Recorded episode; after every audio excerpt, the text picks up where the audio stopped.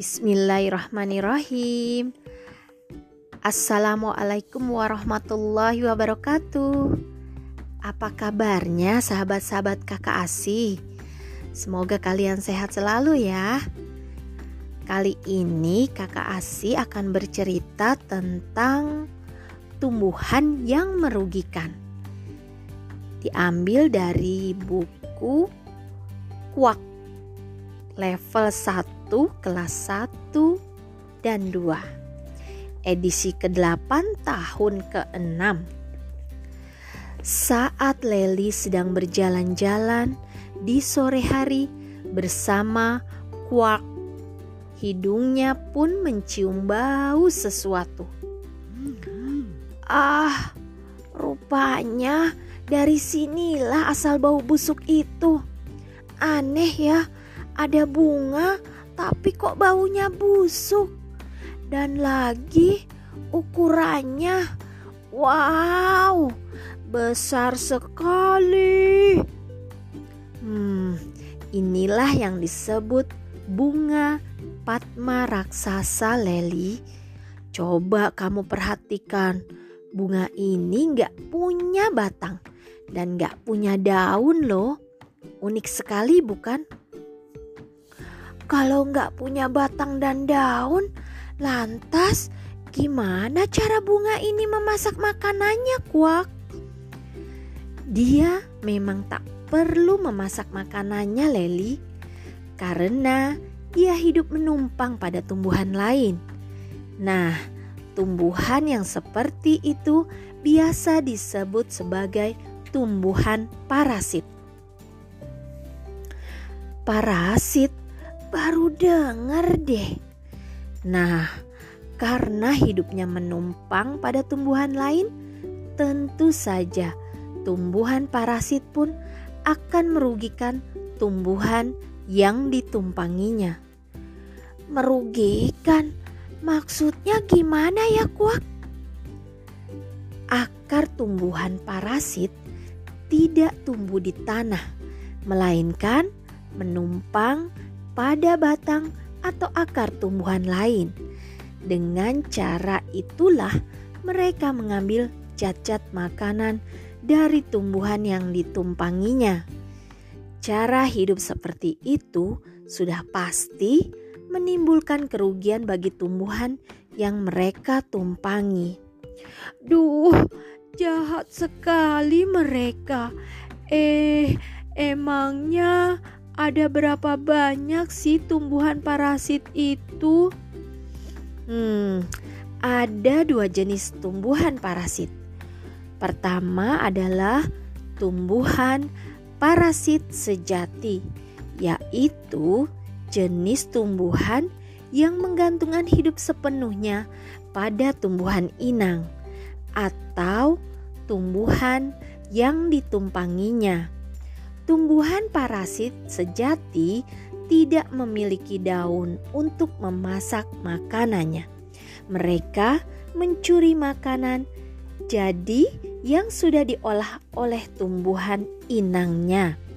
Contohnya adalah tumbuhan tali putri, hidnora, kemudian bunga patma raksasa atau Rafflesia arnoldi. Selain pras, parasit sejati, ada jenis parasit apa lagi akuak? Namanya tumbuhan setengah parasit. Walaupun sama-sama hidup menumpang, tetapi tumbuhan parasit jenis ini nggak menggantungkan jenis tidak menggantungkan hidup sepenuhnya pada tumbuhan inangnya. Mereka masih mau memasak makanannya sendiri karena mereka memiliki daun. Jadi, yang mereka curi adalah makanan mentah yang masih belum diolah oleh tumbuhan inangnya. Oh, oh, oh, oh, gitu. Contohnya apa saja sih, kuak? Ada banyak juga contohnya, seperti nuit Noisia floribunda, Castilleja, Yellow Rattle, benalu. Hmm, gak nyangka ternyata banyak juga ya tumbuhan yang merugikan.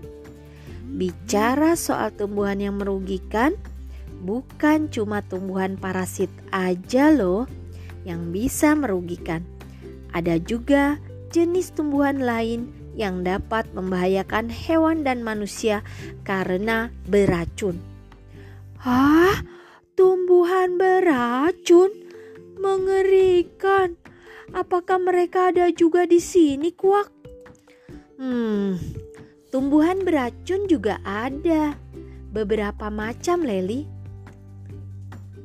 Pohon bintaro, yaitu buah, getah, dan hampir semua bagian tumbuhan itu mengandung racun yang berbahaya bagi manusia. Kemudian pohon Eutaxus semua bagian tumbuhan ini mengandung racun. Keracunan yang diakibatkan oleh tumbuhan ini dapat menyebabkan muntah-muntah, sakit perut, diare, sesak napas, bahkan bisa menimbulkan kematian. Tersentuh daun atau bunga ivy dapat membuat kulit kita juga menjadi gatal-gatal. Nah, bagian dari buah atau sayuran juga bisa mengandung racun loh. Pertama adalah jambu monyet. Tumbuhan ini mengandung racun yang dapat menyebabkan gatal pada kulit dan getahnya dapat membuat kulit terbakar atau menggelembung. Buah kentang juga mengandung racun. Bila sampai termakan dapat menyebabkan muntah-muntah, sakit perut, depresi, sesak napas. Tomat yang belum masak Tomat yang berwarna hijau juga mengandung racun loh. Bila termakan dapat menyebabkan sakit perut, demam, atau diare.